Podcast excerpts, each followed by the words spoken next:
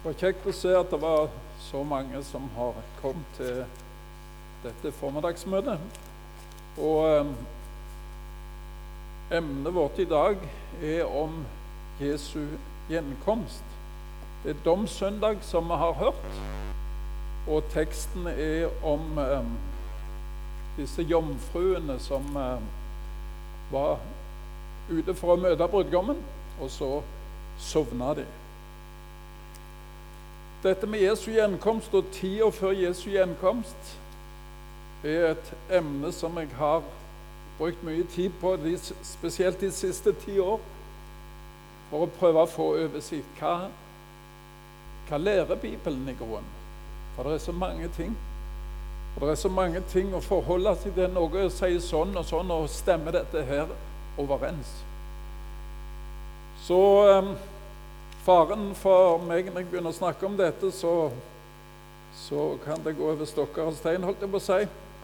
Jeg skal prøve å gjøre det enkelt, men ta litt videre òg i tillegg til det som står i teksten. Det, denne historien, eller talen av Jesus, begynner på Oljeberget i kapittel 24 står det at Jesus forlot tempelet, han gikk opp på Oljeberget. Der satte han seg og så utover Jerusalem. Og så talte han om to ting. Om Jerusalems ødeleggelse og sin egen gjenkomst. Så um, er det mange ting der i kapittel 24. Litt skal vi referere til. Men når vi da kommer til kapittel 25, så begynner det med denne lignelsen. Matteus 25, 1-13, og vi skal lese den i sammen. Da skal himlenes rike være å ligne med ti omfruer som tok sine lamper og gikk ut for å møte brudgommen. Men fem av dem var uforstandige og fem kloke. De uforstandige tok sine lamper men de tok ikke olje med seg. Men de kloke hadde også tatt med seg olje i kannene sammen med lampene sine. Da det drog ut før brudgommen kom, slumret de alle inn og sov. Men midt på natten lød et rop. Se, brudgommen kommer, gå ham i møte. Da våknet alle jomfruene og gjorde sine lamper i stand. Men de uforstandige og de kloke men de uforstandige sa til de kloke, gi oss av deres olje, for våre lamper slukner. Men de kloke svarte, nei, det vil ikke være nok både til oss og til dere. Gå heller til dem som selger, og kjøp til dere selv. Mens de var borte for å kjøpe, kom brudgommen. Og de som var rede, gikk med ham inn til bryllupsfesten, og døren ble stengt. Til sist kom også de andre jomfruene, og de sa, Herre, Herre, lukk opp for oss. Men han svarte og sa, Sannelig sier jeg dere, jeg kjenner dere ikke. Våg derfor, for dere vet, for dere kjenner ikke dagen eller timen. Over halvparten, ja kanskje bortimot 75% av Jesu taler handler om at han skal komme tilbake. Det um, taler han om i bilder. Han taler om det ifra, med eksempler fra Det gamle testamentet. Og på mange måter for å illustrere og gjøre det forståelig og overbevise sine om at jeg kommer tilbake. Og um, både i Matteus 24, 44 og her i Matteus 25, 13 så er det det samme ordet han gjentar. Vær derfor beredt dere også, for menneskesønnen kommer i den time dere ikke tenker. Våg derfor, for dere kjenner ikke dagen eller timen. Og Han bruker som sagt mange lignelser og mange referanser òg til bilder fra Det gamle testamentet. F.eks. og i eh, Matteus 24, vers 37 sier han Og som det var i Noas dager, slik skal menneskesønnens dager være. Lukas 17, 28-30 leser vi på samme vis som det var i Lots dager. De åt og drakk, de kjøpte og solgte, plantet og bygde. Men den dagen da Lot gikk ut av Sodoma, da lot Gud det regne ild og svovel fra himmelen og ødela dem alle. Slik skal det være den dagen når menneskesønnen åpenbares. Og så sier Jesus at det skal også komme ting i tida som dere skal oppdage, dere som er mine. Bl.a. falske profeter. Matteus 4, 20, 11-13. Mange falske profeter skal stå fram, og de skal forføre mange. Og fordi lovløsheten tar overhånd, skal kjærligheten bli kald hos de fleste. Men de som holder ut inntil enden, skal bli frelst. Så begynner altså denne lignelsen med da. Akkurat altså da, når Jesus kom igjen, så bruker han denne bildet fra hverdagslivet i Israel, fra bryllupstradisjonen. Bruden sitter ferdig pynta i huset, eller der som festen skal være, og venter på brudgommen. Um, det er ti jomfruer som venter utenfor huset. De har sine oljelamper klar, og de har uh, lys på oljelampene sine. Deres oppgave det er når budskapet lyder om at brudgommen kommer, så skulle de gå han i møte og ledsage han inn til bryllupsfesten. Og det er altså det bildet Jesus uh, bruker. Og så sier han fem var uforstandige og fem kloke. Han sier ikke at fem var onde.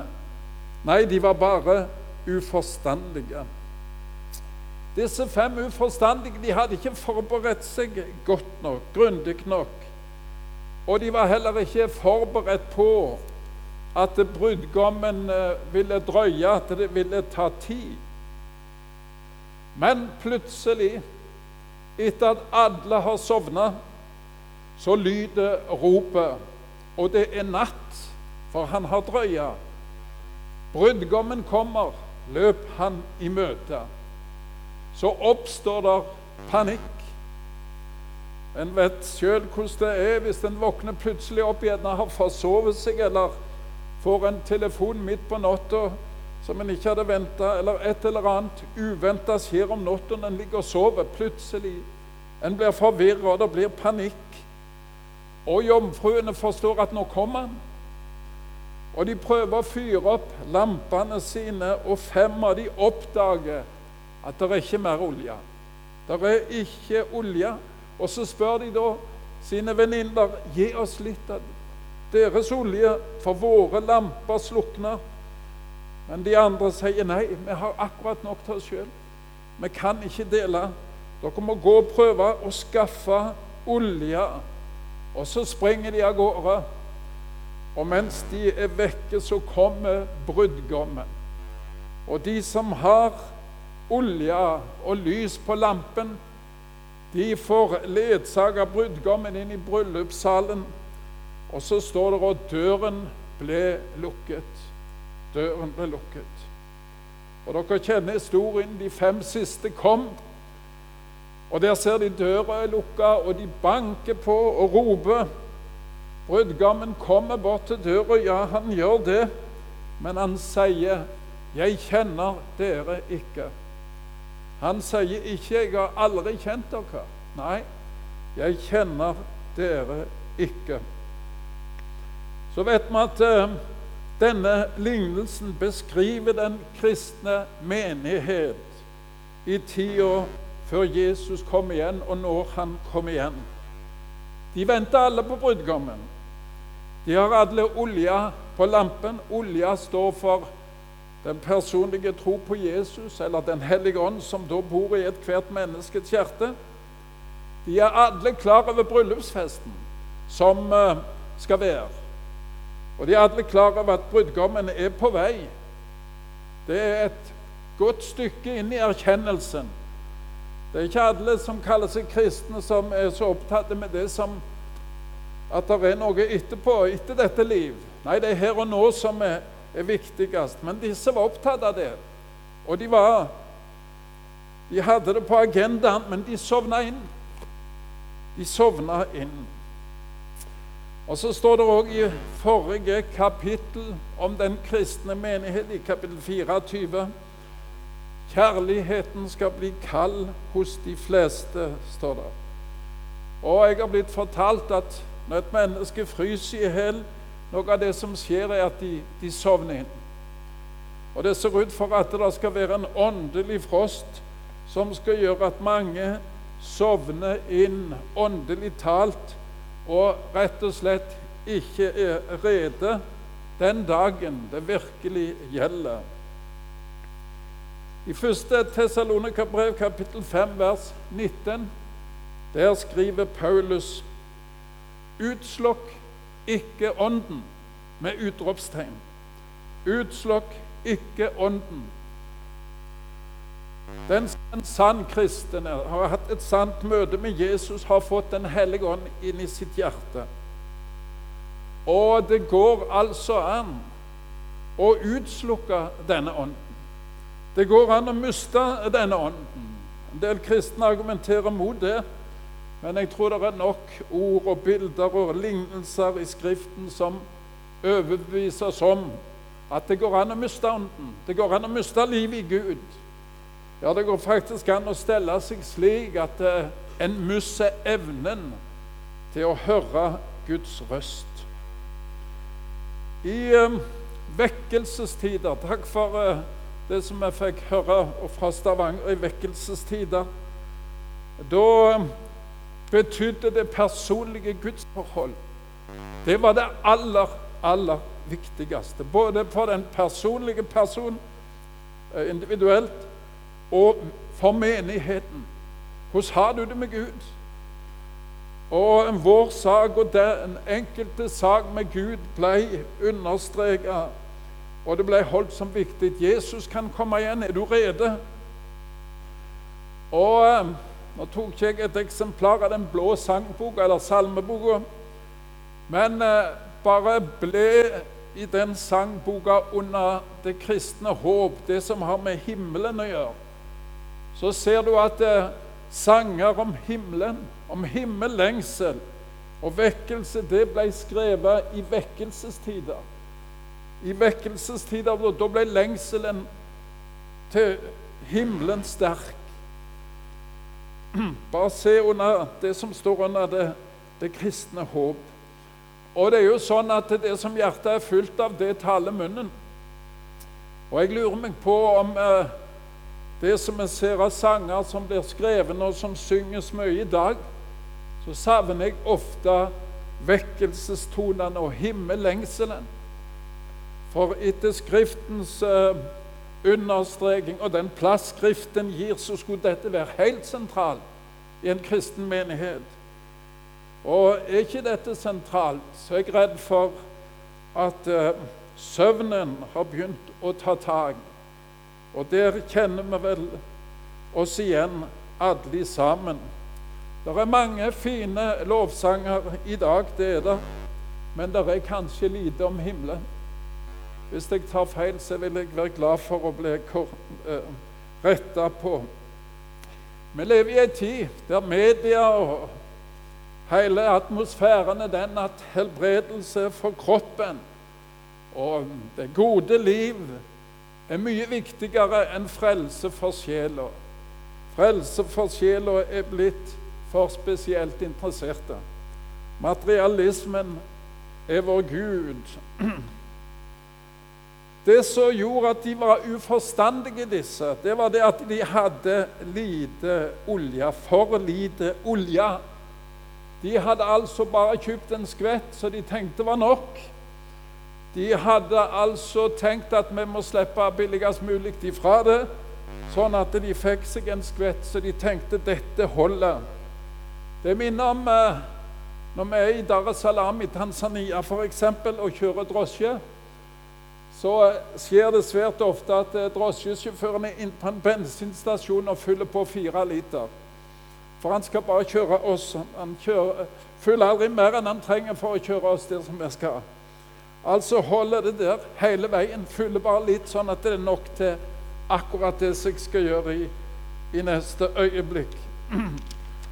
Og um, kanskje der er noen kristne, kanskje òg iblant oss, som uh, har det på den måten. Vi trenger bare lite grann. Vi trenger bare lite grann. Mange kristne vet at det er to utganger av livet, ja. Men for de vet òg det at eh, de vil ikke gå fortapt. Men de vil heller ikke engasjere seg for mye. De vil heller ikke gi dette med Jesus og misjonen og det kristne arbeidet prioritet. Og um, livet og tjenesten med Gud. Nei, vi må få mer ut av livet enn som så. For å si det sånn, hva skal vi med himmelen når vi koser oss gløgg i hjel, sånn som vi har det her i livet? Hva skal vi med himmelen? Vi trenger bare akkurat nok. La oss ikke binde oss. Vi trenger bare litt for å komme oss gjennom. Så håper vi at det holder.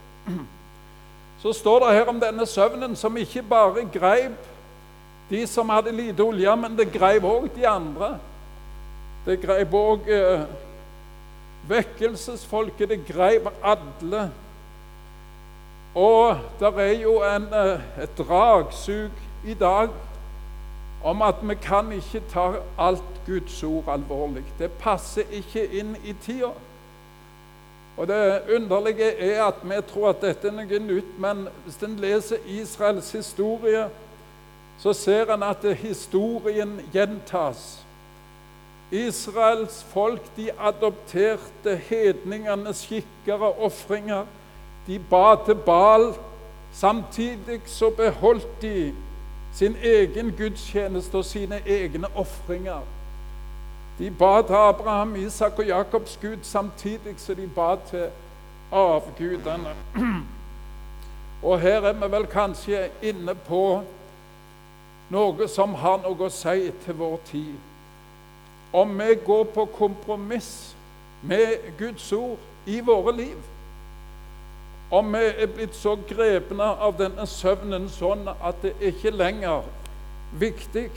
Det regner med at eh, det går greit til slutt. Vi hører om en kjærlig og nådig Gud, og heldigvis er det ikke så mange av disse eh, domsprofetene lenger som taler om død og dom og fordervelse og Jesu gjenkomst. Jeg vet ikke hva det er.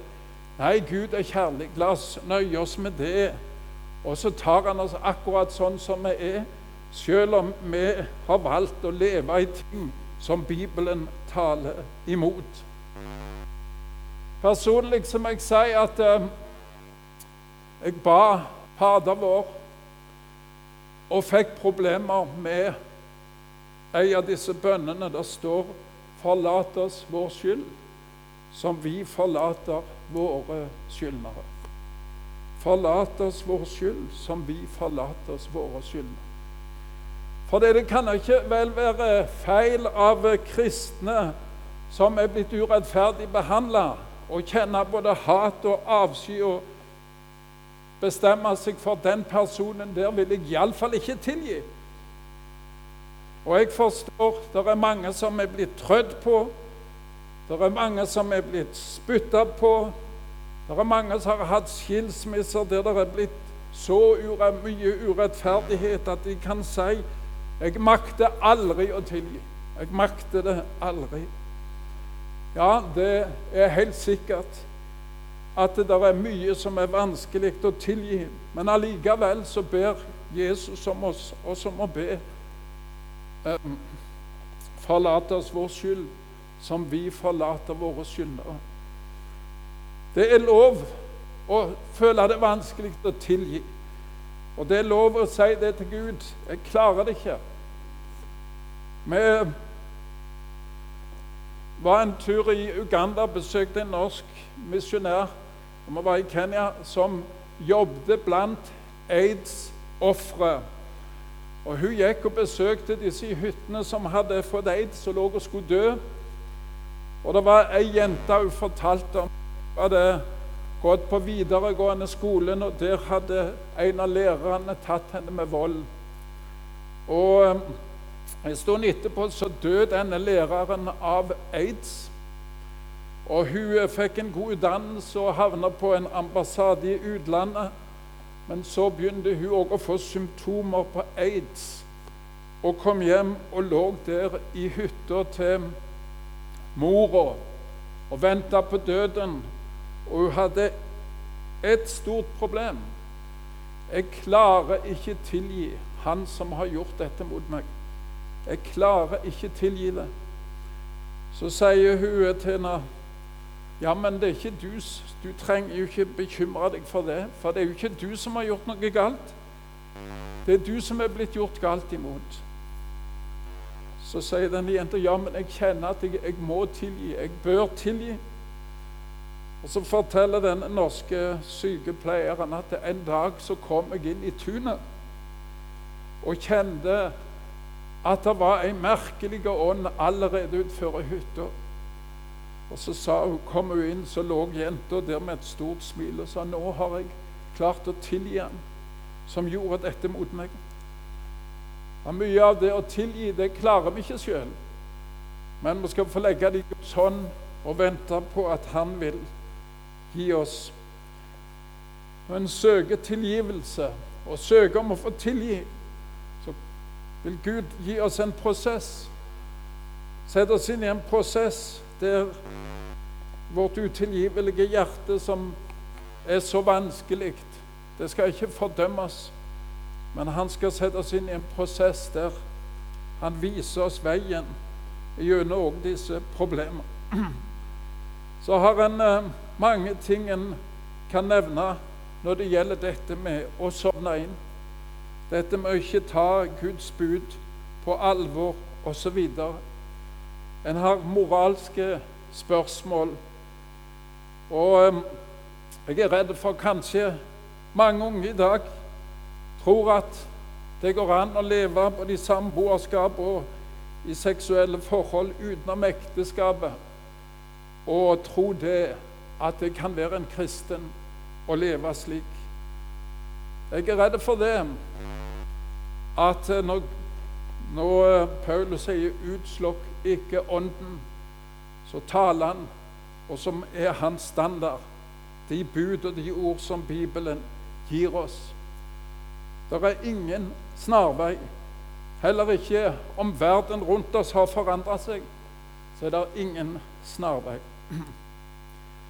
Så er spørsmålet hvordan kommer Jesus igjen? Hva måte, Her har vi òg forskjellig syn hva måte kommer han igjen på? Vi skal lese litt om det i 1.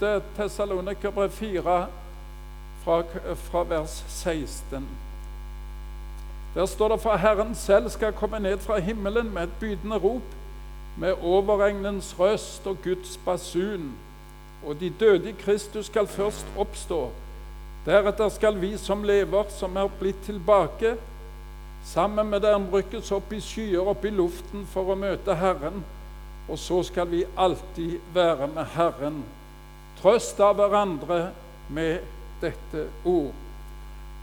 Dette som her er beskrevet, er Hvis du har vært på de engelske menigheter så, og amerikanske menigheter, så er det et ord som går igjen, som heter 'the rapture'.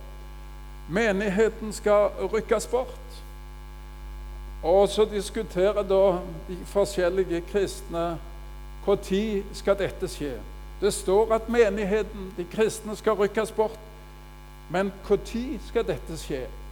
Det er spørsmålet. Der har vi forskjellig syn. Og før jeg kommer mer inn på det, så vil jeg bare uh, at vi skal se litt i andre Tessalonika-brev fra kapittel 1 og uh, fra kapittel 2, vers 1 til 6. For uh, det som er blitt lært opp i. Og det inntrykket som en har, det er jo akkurat dette at Jesus han kan komme hvert øyeblikk. Vi må være rede, for han kan komme i morgen. Det er ingen forvarsel, osv. Men dette eh, kapittelet hos Paulus sier i grunnen noe annet. Det sier i grunnen at det er ikke sånn det blir. Og han imøtegår den ideen om at plutselig så har han vært her. Og jeg har nesten ikke merka det, jeg er blitt satt igjen. Så han skriver fra vers 2.: dere må, ikke, dere må ikke så snart la dere drive fra vett og sans eller la skremme, verken ved noen ånd eller ved noen tale eller ved noe brev, liksom det skulle være fra oss, som om Herrens dag sto for døren. La ingen bedra dere på noen måte, sier han. For det er ting som må skje først. Først må frafallet komme, og syndens menneske åpenbares. Han som opphøyer seg over alt som kalles Gud eller helligdom, så han setter seg i Guds tempel og gir seg selv ut for å være Gud. For lovløshetens hemmelighet er alt virksom, bare at den som nå holder igjen, ryddes av veien. Og da skal den lovløse åpenbaret, han som den Herre Jesus skal fortære med sin munns ånde, osv. Paulus sier faktisk at uh, før Jesus kom igjen, så er det noe som må skje. Det er en annen som må komme først. Og Han kalles andre plasser i Bibelen, f.eks. i Johannes brev, for Antikrist. Han må komme før Jesus kommer igjen, sier Paulus. Så dere må ikke la dere skremme. For um, det er tegnet for de som ser i Skriften, at det først må han komme, og så kommer Jesus igjen. Og når en da sammenfatter det som Skriften sier, så er det det og Der står det mye i Johannes' åpenbaring, i Daniels bok, i Sekiels bok, og Jesus taler om det. Og Han kalles for den lovløse. Ehm, det er forskjellige bilder av dette, men det ser ut for at det skal komme et regime. Og det skal være en leder som skal få en syv års herskeperiode. Og det kan se ut som om når Noah fikk syv dagers varsel på uh, at døra skulle lukkes inn til, til arken, så skal de troende få et bilde av en slags syvårsperiode før Herren Jesus kom igjen. Så nå sier noen dette høres jo altfor ekstremt ut. Men det er ikke ekstremt, for det kan dere bare leie deg og se at det er faktisk sånn Skriften sier det. Men den som kommer på scenen, verdens største bedrager, og skal stå fram og ta makt, sannsynligvis over store deler av Midtøsten, og hans ideologi vil prege store deler av verden. Og denne personen dette riket de vil inngå en fredspakt med jødene, og deres hersketid vil være syv år. De tre og et halvt første år står det både i Daniels bok og i åpenbaringen, vil være ei fredstid. Og mange vil tro at det, han er Messias, for han skaper fred. Men når halvparten av denne tida er gått, så vil det bryte ut en trengsel større enn det har vært noensinne i denne verden.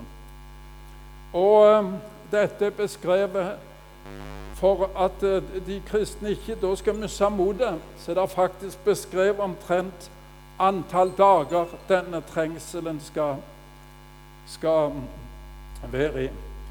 Og eh, når jeg nå ser i eh, det som skjer rundt oss i dag, f.eks.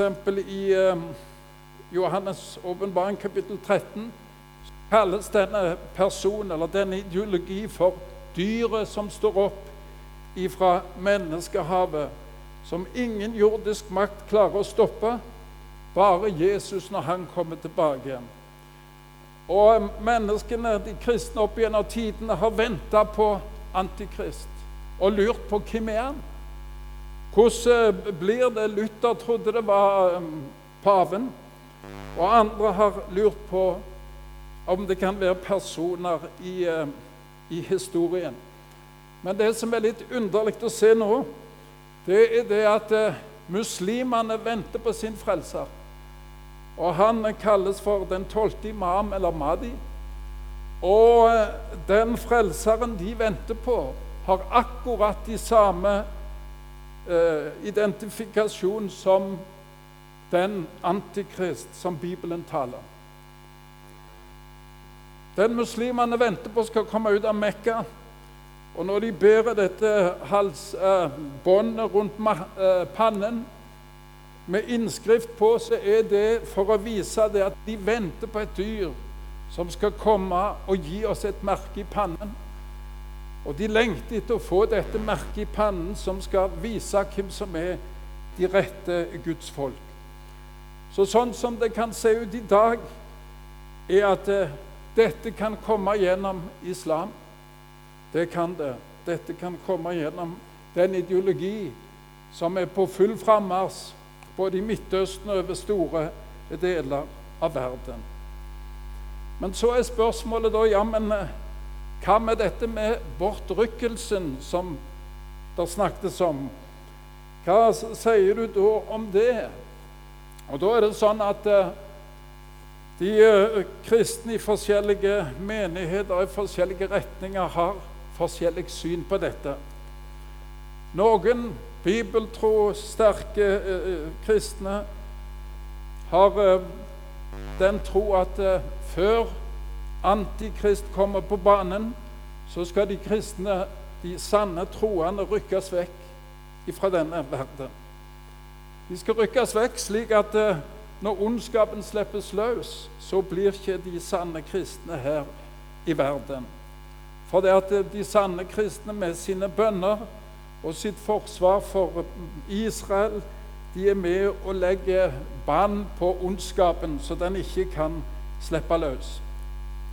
Mens eh, mange andre da tror det at nei, dette med bortrykkelsen, det skjer etter denne, denne trengselstid. For det står ikke noe om, mener de, at de kristne skal slippe unna trengselens tid, og de skal spares for trengselens tid. Så slik eh, kan en se at det sanne kristne har forskjellig syn. Og ehm, for meg så er det blitt sånn at eh, det er interessant å se disse tingene. Om man, menigheten skal rykkes vekk, eller om vi skal oppleve denne trengselstid før Jesus kommer igjen, så har jeg iallfall funnet ut for min del at det beste er å være rede uansett. Det beste er å være rede, som Jesus sier, hver dag. Og det beste er å som Jesus sier i dag, når dere hører hans røst, så forherd ikke deres hjerte. Dette er jo store emner som jeg bare berører litt, for vi har ikke tid til det på denne formiddagsstunden. Tilbake til denne teksten, så sto det altså at noen var uforstandige, og noen var kloke. Og eh, forskjellen på uforstand og klokskap var olja. Det var det som var forskjellen. Og med andre ord så er forskjellen på uforstandighet og klokskap det er om en eier den personlige tro på Jesus og har Den hellige ånd i sitt hjerte. De kloke var rede, og de gikk inn med brudgommen til bryllupsfesten. De uforstandige, de var frafalne. Det åndelige liv var dødt. Om de visste det sjøl? Nei, de visste det antagelig ikke sjøl. De hadde gått på kompromiss med Guds ord. Enten de var unge eller eldre, så hadde de kommet i en sånn stilling at uh, den tro som de en gang hadde, enten pga. synd eller, bare, eller kanskje pga. latskap, så hadde de mista den tro som en gang bodde i hjertet. Derfor sier Jesus til slutt i denne teksten.: Våg derfor, for dere kjenner ikke dagen eller timen. Men de gode nyheter er at det er olje å få kjøpe i dag. Det er ufattelig stor nåde at døra er ennå ikke lukket. Det er olje å få kjøpe i dag. Jeg husker en gang i Kenya.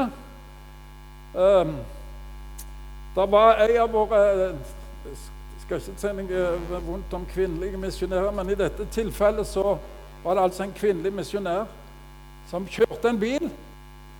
Og plutselig så begynte det å hamre i motoren. Og etter en stund til så stoppet hele motoren opp. Det ble et forferdelig brak, og så stoppet motoren. Og hun sendte beskjed til kollegaer om å komme og hjelpe henne, for motoren, bilen hadde stoppet. Og uh, den kollegaen som kom først, han åpna dekselet og trakk opp oljepinnen. Og der var ingenting. Ingenting olje. Og, det satt, og da sa hun Jeg visste ikke hva den pinnen skulle brukes til. Jeg sa hun. Visste ikke hva den pinnen skulle brukes til. Kanskje noen av oss trenger å få peile olja i dag. At Guds lys må komme. Er det noe i mitt liv? Har, har jeg gått tom for olje? Eller er det sånn at nivået er så langt ned at jeg trenger å få påfyll? Jeg trenger et nytt møte med Jesus, så han kan fylle opp med olje. Det står faktisk i Skriften en oppfordring bli fylt av Ånden. Bli fylt av Ånden. Ikke så forstå at en kan ha lite og mye av Den hellige ånd, men plassen han får i vårt hjerte, er forskjellig. Så eh, konklusjonen på alt dette må da bli de ord av Paulus. Bli fylt av Ånden. Peil olja, og la Jesus få fylle på om det skulle være manko. Amen.